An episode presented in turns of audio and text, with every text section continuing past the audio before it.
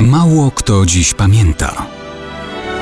Datownik historyczny prezentuje Maciej Korkuć.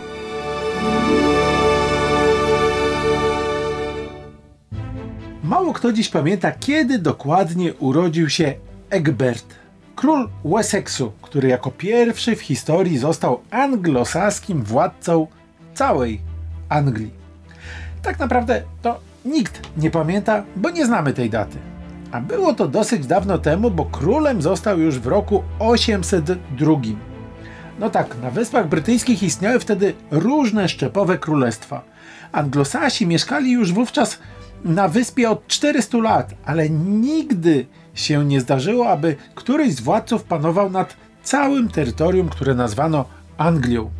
Egbert był potomkiem wielkiego prawodawcy Wessexu, króla Ine.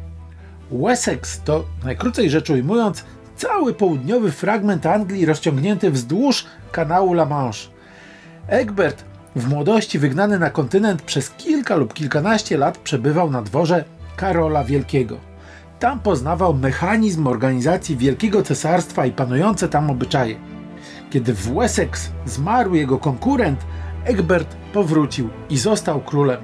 Skutecznie poradził sobie z problemami w polityce wewnętrznej. Forsownie prowadził politykę zagraniczną. Kluczem do potęgi stało się jego zwycięstwo nad królem Mercji pod Elendum w 825 roku.